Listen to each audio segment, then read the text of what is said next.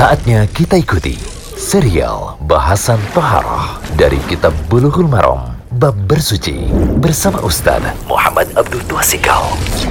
Alhamdulillah, salatu wassalamu ala rasulillah wa ala alihi wa sahbihi wasallam. Baik, sekarang kita masuk dari audio kedua, dalam audio kedua, dari bahasan Bulughul Maram, Kitab Toharoh, masih tentang air. Kali ini kita akan bahas hadis dari nomor 5 sampai 9, hukum air dua kula, kencing di air tergenang, dan hukum mandi dari bekas istri. Di hadis kelima disebutkan dari Abdullah bin Umar radhiyallahu anhu bahwa Rasulullah Shallallahu alaihi wasallam bersabda, "Idza kana al-ma'u kullataini, idza kana al-ma'u kullataini lam yahmilil khabath." Ya, idza kana al-ma'u kullataini lam yahmilil khabath. Jika air itu telah mencapai dua kullah, maka ia tidak mungkin mengandung najis. Dalam lafaz yang lainnya disebutkan lam yanjus maka tidaklah najis. Hadis ini dikeluarkan oleh yang keempat, Abu Dawud, Tirmidzi, An-Nasai, Ibnu Majah, dan disesuaikan oleh Ibnu Khuzaimah dan Ibnu Hibban. Kesimpulannya hadis ini sahih. Apa itu air dua kula? Air dua kula ini jadi air yang dikatakan dalam mazhab Syafi'i air standar sedikit atau banyak. Nah, jika air itu seukuran 200 liter, maka dia sudah disebut air dua kula. Sudah mencapai 200 liter. Maka ketika air sudah mencapai dua kula atau 200 liter tadi, maka tadi dalam hadis disebutkan lam yahmilil khobas. Maka tidak mungkin mengandung najis. Gambarannya air 2 kula ini 200 liter tadi ukuran volume 1 meter kali 1 meter kali 20 cm. Nah, faedah hadis yang bisa kita ambil dari sini, yang pertama, air banyak adalah air yang telah mencapai 2 kula. Air sedikit adalah air yang kurang dari 2 kula. Saya ulang, air banyak adalah air yang telah mencapai dua kula, air sedikit adalah air yang kurang dari dua kula. Yang kedua, jika air banyak, kemasukan najis. Jika air banyak, itu kemasukan najis. Lantas berubah, air tersebut dihukumi najis.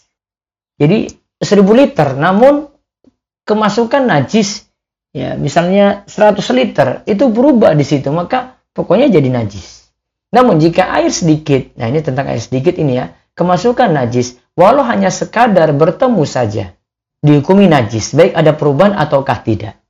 Nah ini masalahnya air dua kula ini ya, yang 200 liter tadi ya, ini punya problem jika cuma masalah karena kemasukan najis saja. Misalnya, uh, kita punya air kurang dari 200 liter, misalnya dalam ember kecil gitu.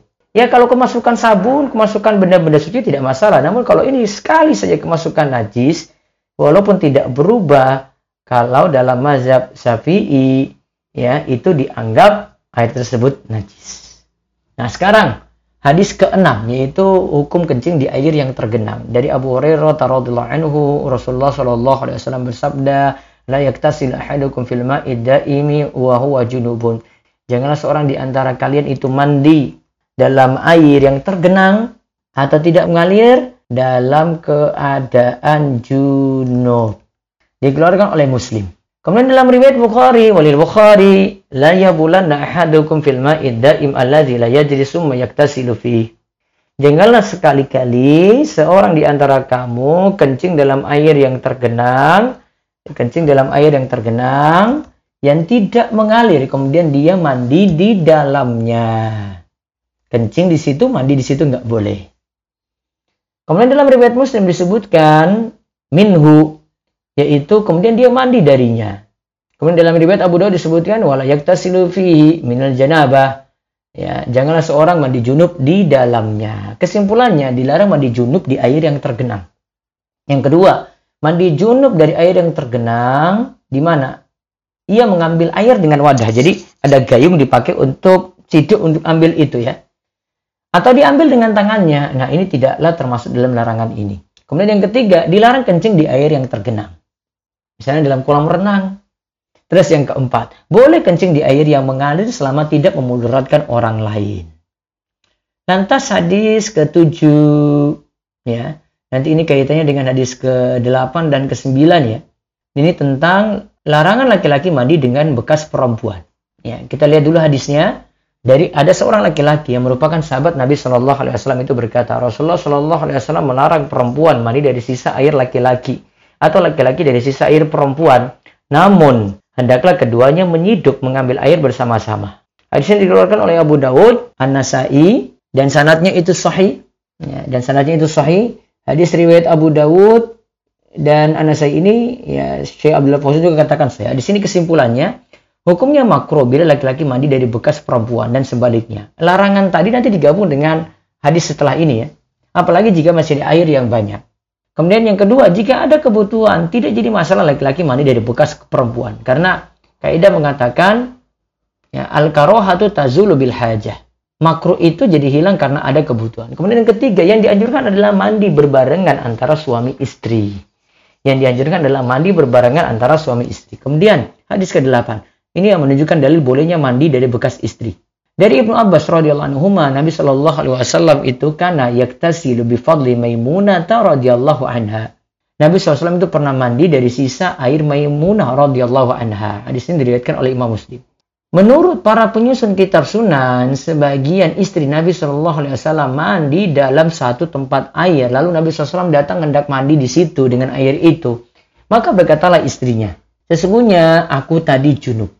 Ini kuntu junuban. Terus Nabi SAW itu bersabda, Innal ma'ala yujnib. Ya, sesungguhnya air itu tidak menjadi junub. Hadis ini sahih menurut Tirmizi dan Ibnu Khuzaimah, Syekh Abdullah Fauzan katakan juga hadis ini yang hadis yang sahih. Hadis ini dan hadis sebelumnya ini menunjukkan boleh seorang mandi dengan air bekas istri. Jadi asalnya boleh ya. Kalimat yang tadi sebelumnya larangan itu maknanya makruh. Ya, selama masih ada air yang lain ya baiknya tidak pakai bekas seperti itu. Kemudian mandi seperti ini tidak berpengaruh pada kesucian air karena air tidak jadi najis kala itu. Kemudian larangan dalam hadis sebelumnya dimaknai makruh. Jadi kalau ada kebutuhan ya memang kamar mandi cuma satu, airnya cuma pakai itu saja, nggak ada yang lainnya. Ya sudah itu karena ada kebutuhan dibolehkan berarti. Wallahu Demikian serial bahasan toharah dari kitab Bulughul Maram bab bersuci bersama Ustaz Muhammad Abdul Tuasikal. Thank you.